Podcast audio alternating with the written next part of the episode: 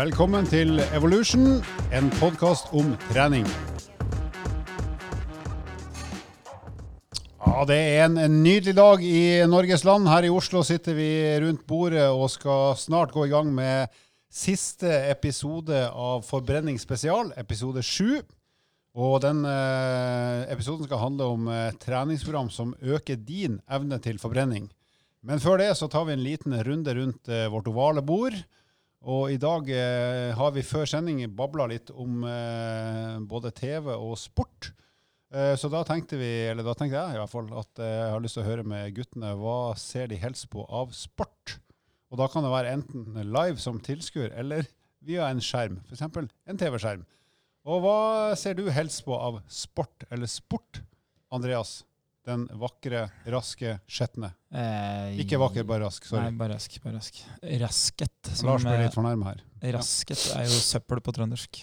Tar du ut rasket.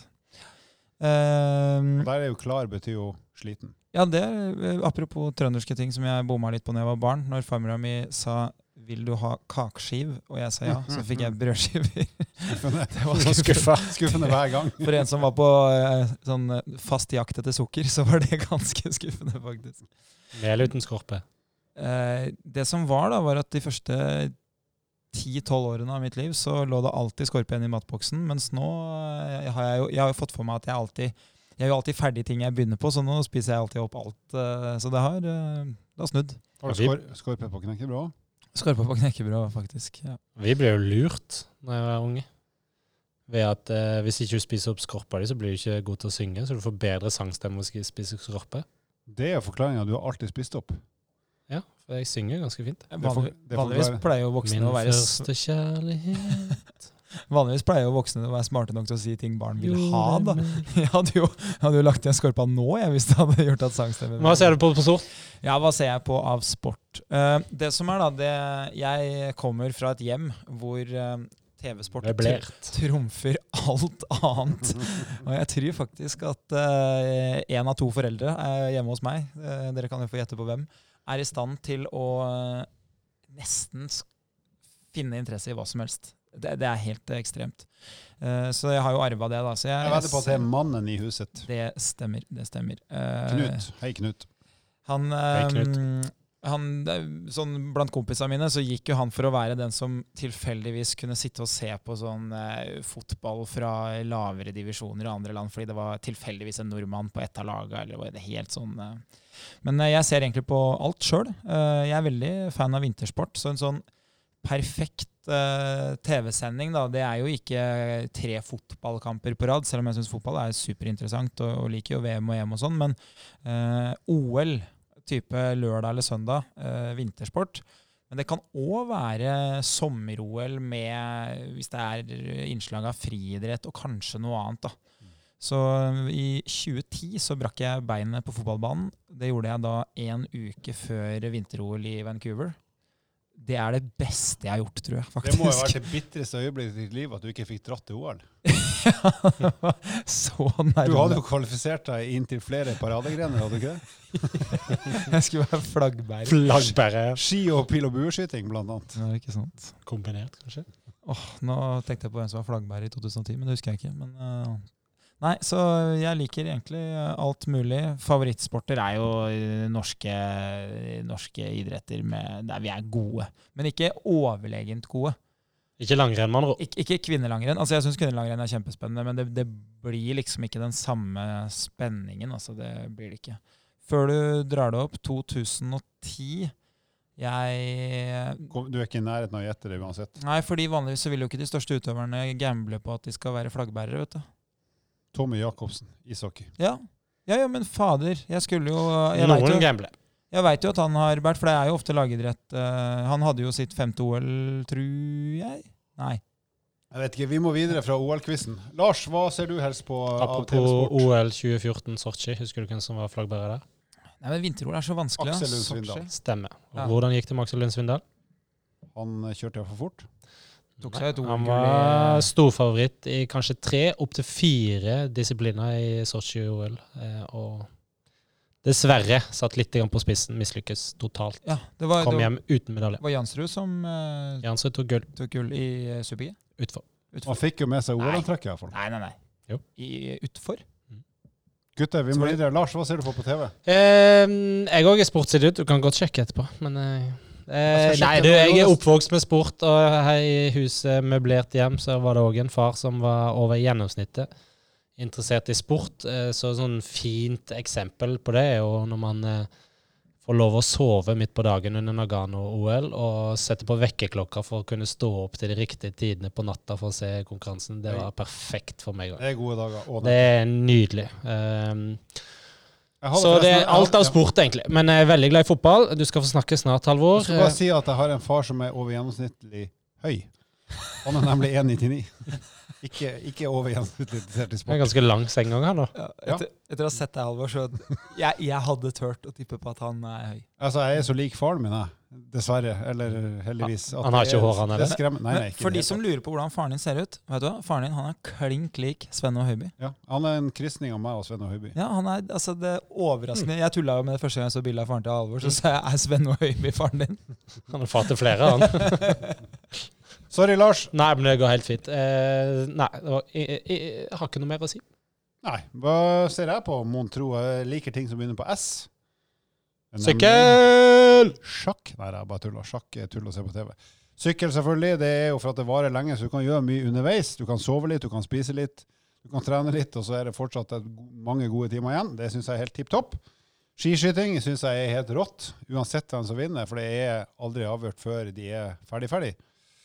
Og så er jeg jo øh, gammel generalsekretær fra Skøyteforbundet, så skøyter har jeg jo alltid likt. Og, og spesielt etter at jeg fikk et innblikk på indre bane fra den sporten. Så det syns jeg òg er helt genialt å se på. Ja, du fikk jo faktisk oss på tribunen under VM i eh, februar. Ja, fikk med deg deg og din eh, sportsinteresserte far pluss en del annet eh, vrakgods var på, på, på tribunen i Vikingskipet i mars i år. Ja, og det som er veldig fint med, med VM på skøyter, det er jo at det er fryktelig mange som skal av og på isen. Og det varer en hel dag. Og rett utafor hallen så har de noe som òg er veldig toppidrett, og det heter eh, øltelt. Så der kan du prestere. Meget høyt. Og du var vel faktisk ute på et nachspiel òg, var du ikke? Etter eh, at konkurransen var slutt? Det stemmer. Et lite sekund her var jeg vel leder i fanklubben til Norges Skøyteforbund, holdt jeg på å si. Så ja, nei, det stemmer det. Til Sven Kramer. Sven Kramer, fy flate for en utøver. Bortsett fra når han måtte ut i feil bane der. Det var jo ikke Ja, det var urutinert. Det ble ikke noe 10 000 gull på han. Nei, han kommer nok aldri til å vinne 10 000 i OL, iallfall. Det toget har eh, gått, og det har gått med høy fart, og det har ingen endestasjon. Og det tristeste med at han mista det gullet, det var at han gikk i ytre bane når han skulle gå til indre bane. Så han gikk lenger enn det han skulle. Det er nådeløst. Da skal vi over til eh, kveldens, dagens, morgenens, formiddagens eh, hovedprogram, nemlig trening for å øke din forbrenningsevne.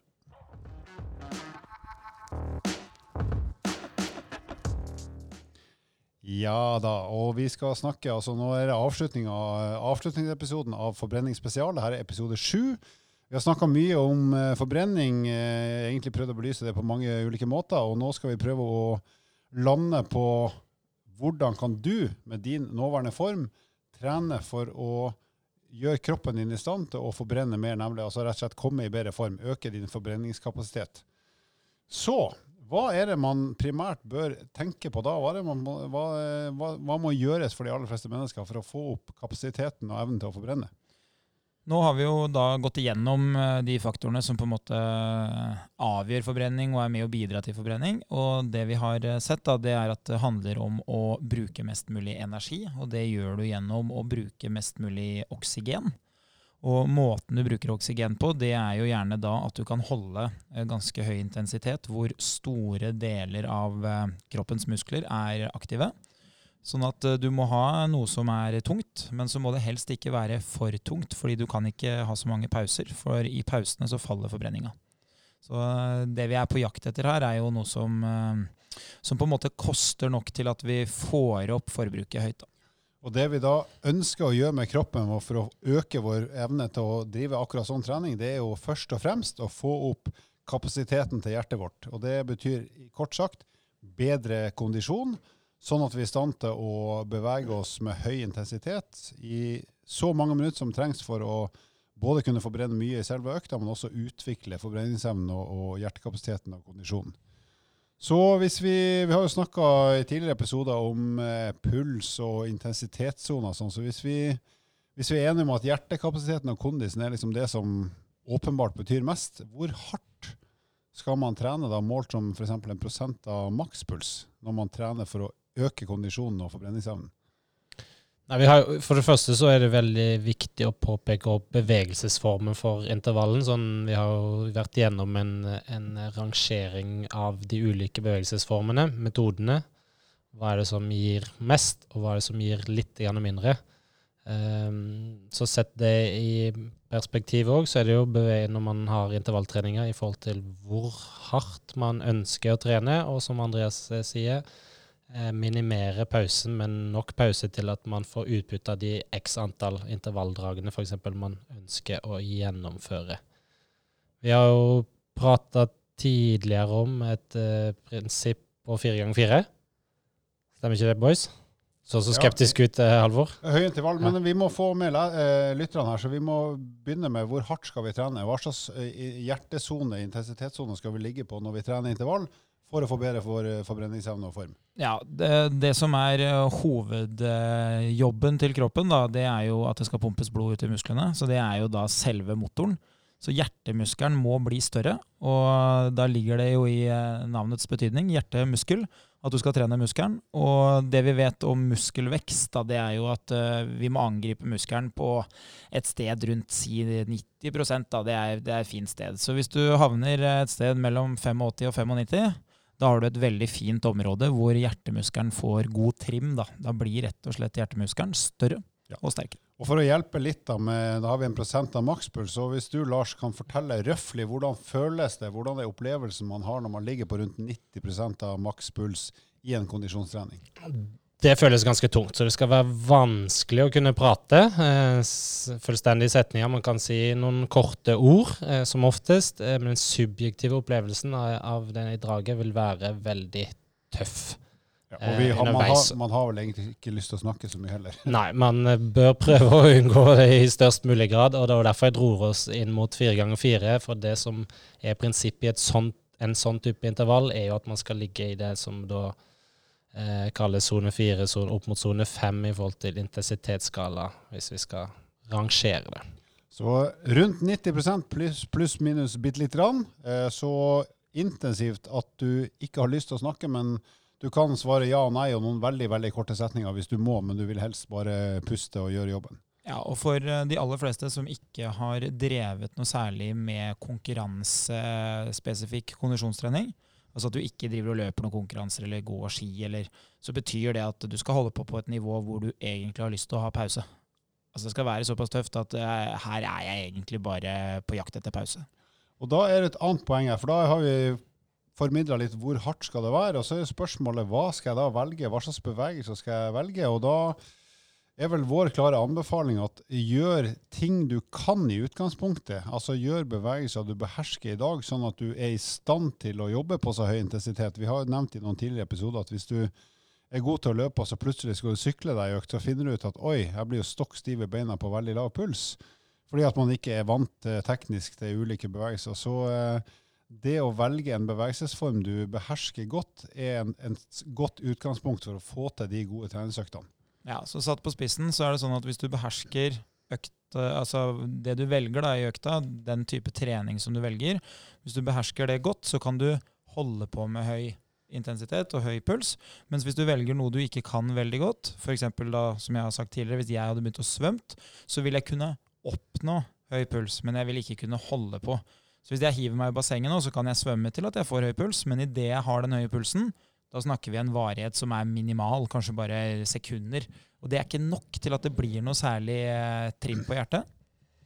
Bra. Og da, hvis vi da er enige om at vi skal jobbe ganske hardt, som jeg snakka om, vi skal velge bevegelsesformer som vi behersker per i dag, selv om du selvfølgelig kan øve på andre ting også for å bli god nok til det etter hvert, så er jo spørsmålet hvor lenge skal vi da jobbe såpass tungt som vi snakker om? Hva er liksom det minste antall minutt i løpet av økt som kreves for at et normalt menneske skal kunne ha noe utvikling? Jeg vil jo si, sånn som jeg eh, pleier å si til mine PT-kunder, så bør vi, hvis man er totalt utrent og ikke har gjort så mye før, så bør jo et minimum være eh, ti minutter per økt. Eh, og hvis man får til to sånne økt i uka, så det, vil den fremgangen og den progresjonskurven være ganske bratt. Um, og så må man spe på kanskje med noe annen aktivitet for å på en måte øke det totale daglige aktiviteten. Det vil jo òg telle inn. Men uh, ca. ti minutter per økt uh, bør man klare å få inn. Ja, Så, det, det, så ti minutter, uh, ha det som et utgangspunkt hvis du føler at du er i ikke kanonform eller eh, ja, har, har mye å gå på. Så få inn i hvert fall ti minutter.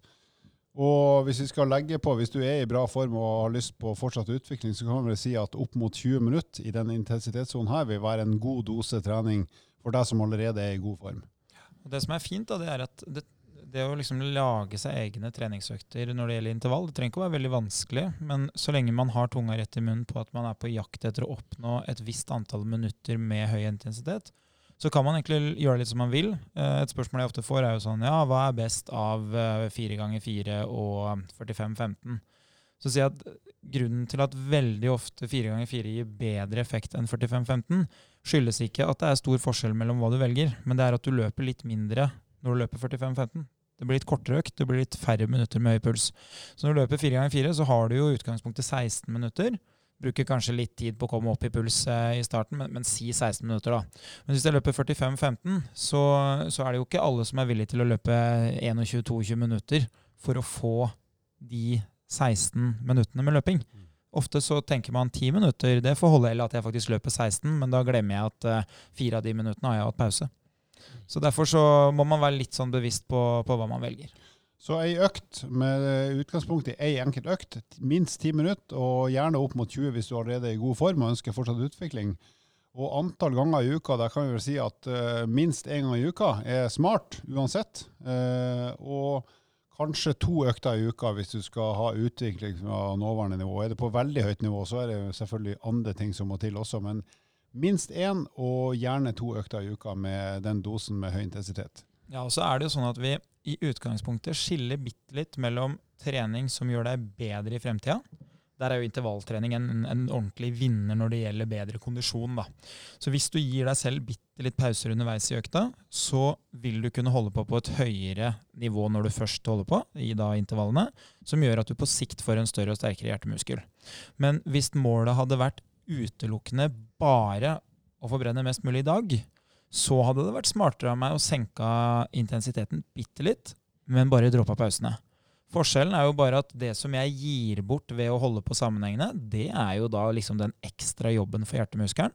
Og det jeg får av gevinst, det er jo at uh, jeg i snitt bruker litt mer energi, som gjør at jeg bruker litt flere kalorier, rett og slett. da. Men uh, hvis det, mitt mål er at jeg på, på, sikt skal bli enten bedre til å forbrenne eller bedre til å, til å prestere, da, så, så, må jeg dele opp treninga litt. For jeg må ha den ekstra belastninga på hjertemuskelen for at det skal bli bedre.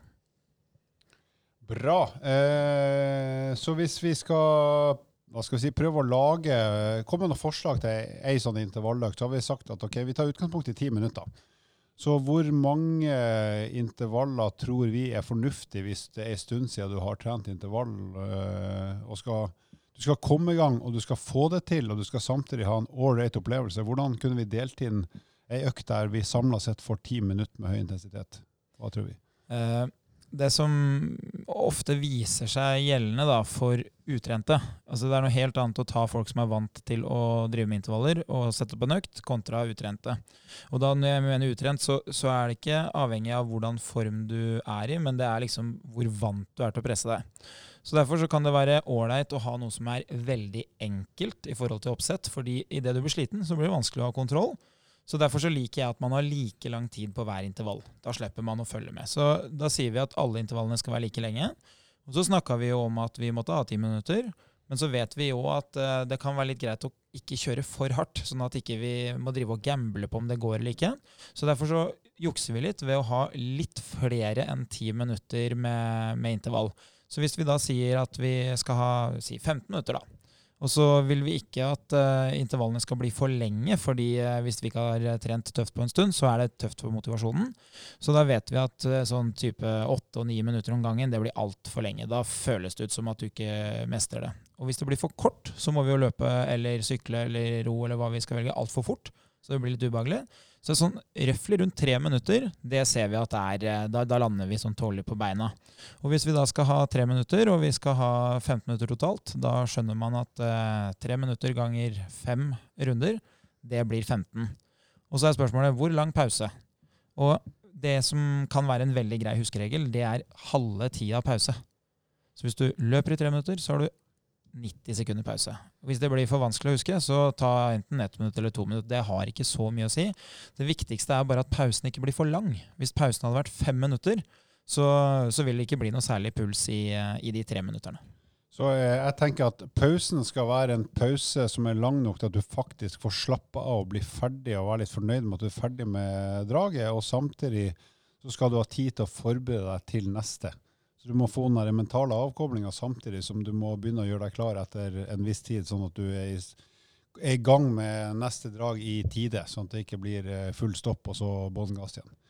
En annen variant kan være eh, fem ganger to minutter. er For å ta, ta i litt av seks ganger to minutter. Eh, Jeg og Lars er jo glad i å springe motbakke, og da har vi en sånn variant der vi løper veldig bratt og ikke sånn gigafort i to minutter, og så har vi ett minutt pause. Og så kjører vi Nå holder vi på i ti ganger to, da, men en start der kan være fem ganger to minutter. Da har du fått ti minutter. Eh, og så kan man da øke enten varigheten på dragene eller antall drag eh, etter hvert.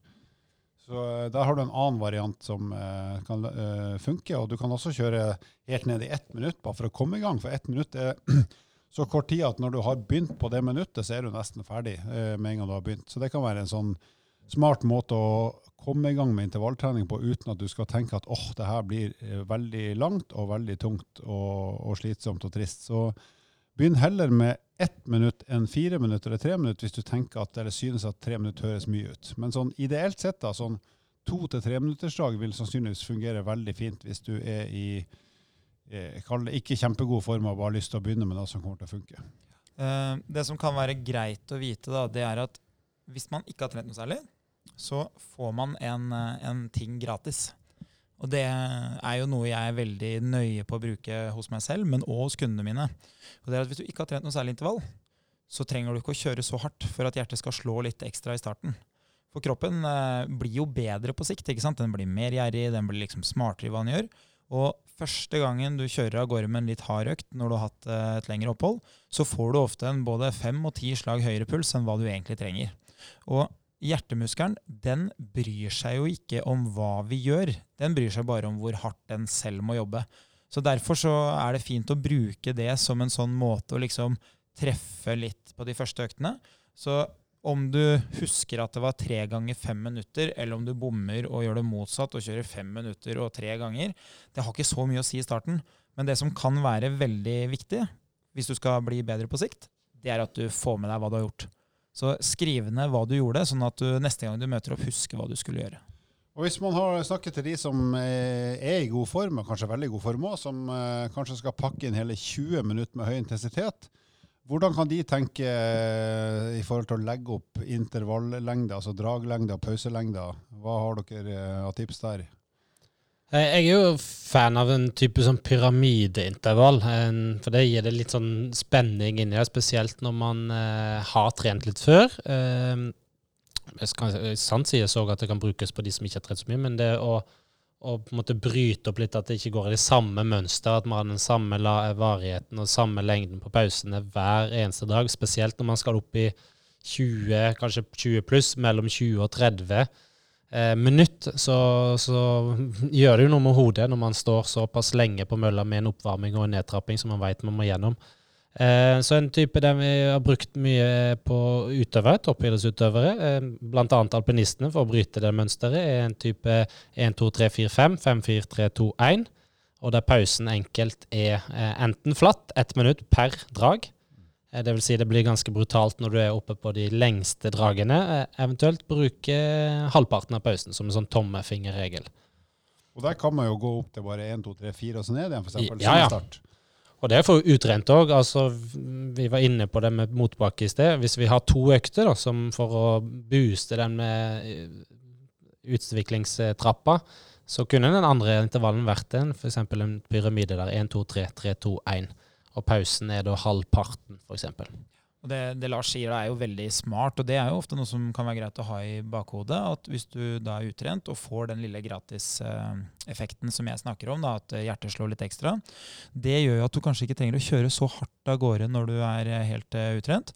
Men idet du begynner å bli bedre trent, ikke sant? og nå Lars lager jo et fint eksempel hvis du skal ha over 20 minutter med intensitet, da kan det være et ganske langt sprang fra uthvilt på formiddagen til maks innsats på intervalløkt. Mm. Så det å på en måte nesten si at du skal lure deg selv i gang ved at du får litt liten tid å løpe, litt, litt lav eh, innsats da, på det første draget, det gjør ofte at man ser at nei, det går an å både løpe fem og kanskje eventuelt seks minutter da, på den farta her.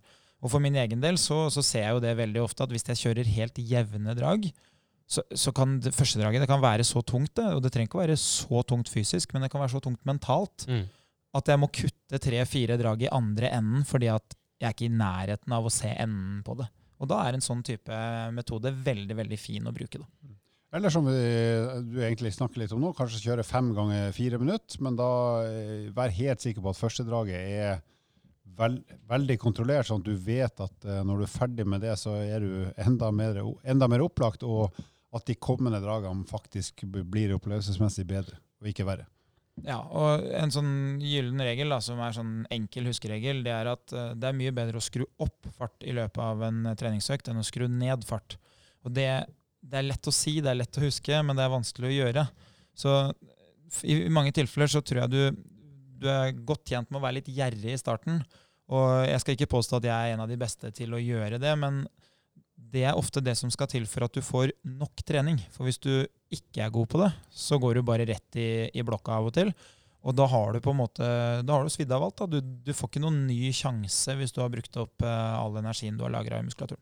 Det er jo utrolig mye kulere å avslutte med det beste draget enn eh, motsatt. At det siste draget ble det verste på alle mulige måter. Ja, Man sier jo ofte at det første draget skal være like raskt som det siste, eller det siste skal være like raskt som det første. Eh, og hvis man har åpna hardt på det første, så har man jo egentlig brent eh, det som skal komme og skje på de neste dagene. Ok, hvis vi går over til Nå har vi jo snakka om hvordan du skal trene for å øke hjertekapasiteten, kondisen og dermed også din forbrenningsevne. Men eh, de, mange trener jo andre ting enn bare kondisjon og forbrenning. Så type de som trener styrketrening i tillegg, eh, hvordan kan de tenke rundt eh, å kombinere styrketrening eller annen trening med den intervalltreningen vi snakker om nå, enten de trener én gang i uka eller to ganger i uka hardt, hvordan, hva slags løsninger kan folk velge der for å kunne gjøre begge deler? Jeg er jo fan av disse kombinasjonsøktene som vi har vært inne på i tidligere episoder, eh, og bruker det veldig mye på mine kunder med stort hell. Eh, fordi én, kanskje de har litt begrensa tid til trening per uke. Eh, både motivasjonsmessig, men òg faktisk tidsmessig for å få den logistikken til å gå opp. Og da er det viktig det å få inn både litt styrke og litt kondisjon. Så gitt at vi f.eks. har to økter i uka, da, så ville jeg nok brukt én eh, økte eh, på en intervall som vi hadde snakka litt om nå. En 10-15 minutter i sonen. Det er halve økta, for de stiller oppvarma, ferdig oppvarma. Eh, og så resten av delen kjører vi litt styrke, liksom forefallende. Eh, ikke minst eh, prestasjonsfremmende styrke. Litt for bein og litt for overkropp. Eh, og den andre økta vil ha en ren kombinasjon, og da er det veldig fint å kombinere bevegelsesformer f.eks. som roing, staking, kanskje noe løping òg, eh, kanskje en type assault bike, som vi har nevnt litt før der vi involverer store muskelgrupper og liksom komplekse øvelser. Og så kombinerer det det med, med styrke, f.eks. knebøy bare med kroppsvekt, altså det som kalles air squats. Eh, kanskje en pushups, eh, kanskje en, en, mageøvelse, en stabiliseringsøvelse, og kanskje en draøvelse, dvs. Si, eh, liggende opptrekk til stang f.eks., eller roing i, i ringer. Og så jobber du etter intervallkonseptet, f.eks. 40 sekunder på, 20 sekunder av, og så bytter vi øvelser da hvert i x antall minutter. Eksempel, ja, jeg pleier å ligge mellom 10 til 20 minutter sånn totalt sett. Og så har vi kanskje en pause etter 10 minutter på 2-3 minutter, bare for å bryte opp litt. Og så er det nye 10 minutter med de øvelsene. Og så er det den klassiske med å ha f.eks. ei ren kondisjonsøkt i uka, som kan være den ene harde intervalløkta, der du tenker at i dag er det kun det jeg skal trene, og da skal jeg virkelig trykke til, for jeg skal ikke gjøre noe annet enn det. Eh, og så har du kanskje en annen økt som er en sånn kombi styrke og kondisjon sammen, og en tredje variant som er kanskje en ren styrkeøkt. Så der kan du egentlig kombinere som du vil. Så har jeg en eh, Jeg lagde ei økt for mange år siden som har fungert veldig godt, og der har du eh, Hadde vi da rett og slett eh, ett intervall på mølle, og så hadde vi en muskelgruppe, f.eks. bryst. Eh, så hadde vi to øvelser på bryst, som da ble en pause men med styrketrening. da. Og så gikk vi tilbake igjen til mølla og kjørte nytt drag på fire til seks minutter. Litt avhengig av kunde. Og så kjørte vi f.eks. rygg, to øvelser på rygg, så da fikk du fire-fem minutter med styrketrening.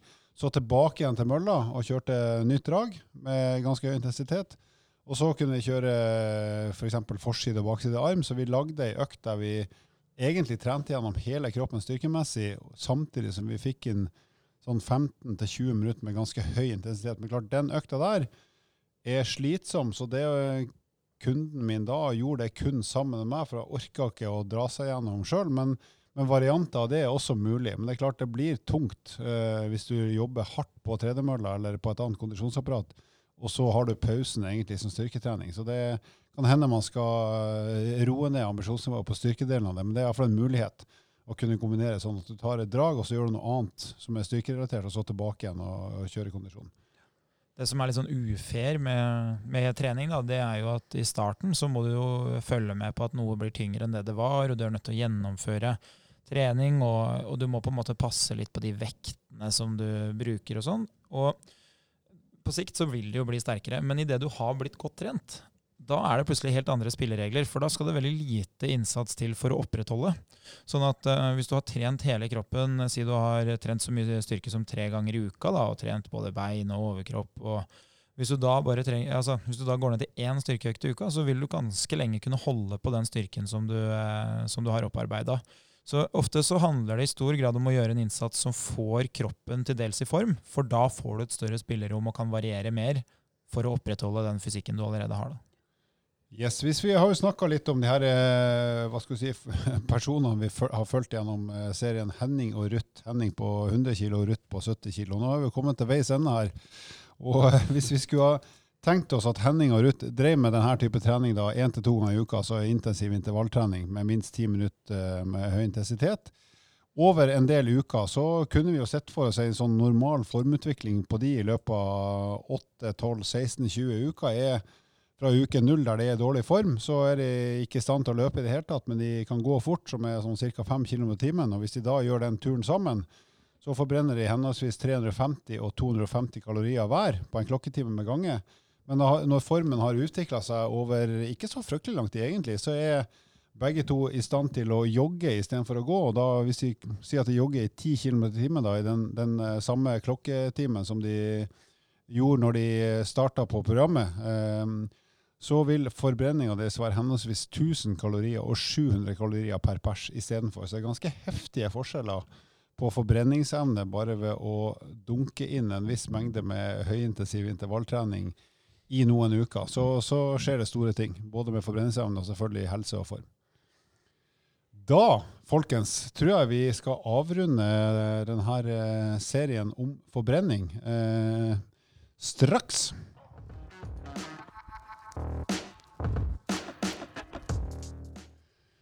Da har vi en dimmeklar gjeng i studio her.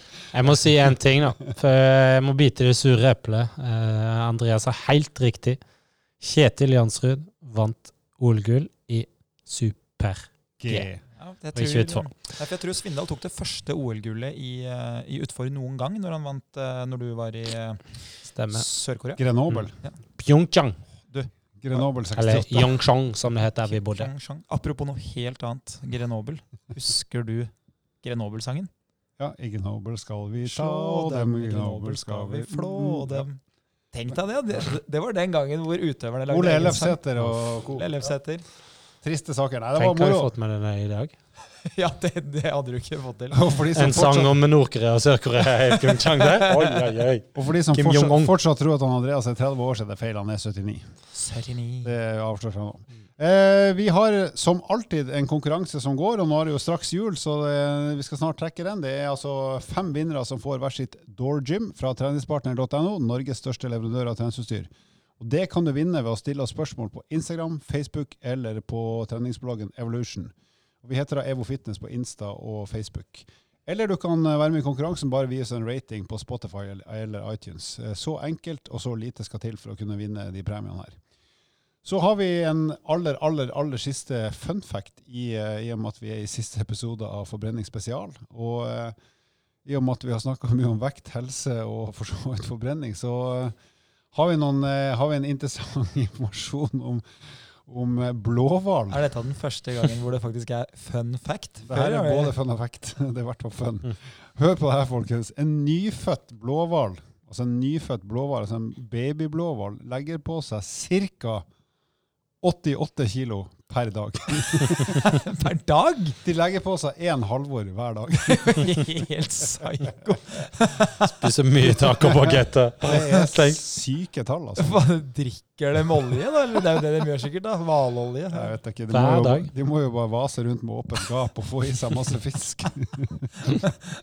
For tacobagett er det ikke der de ferdes. Mye vann, da.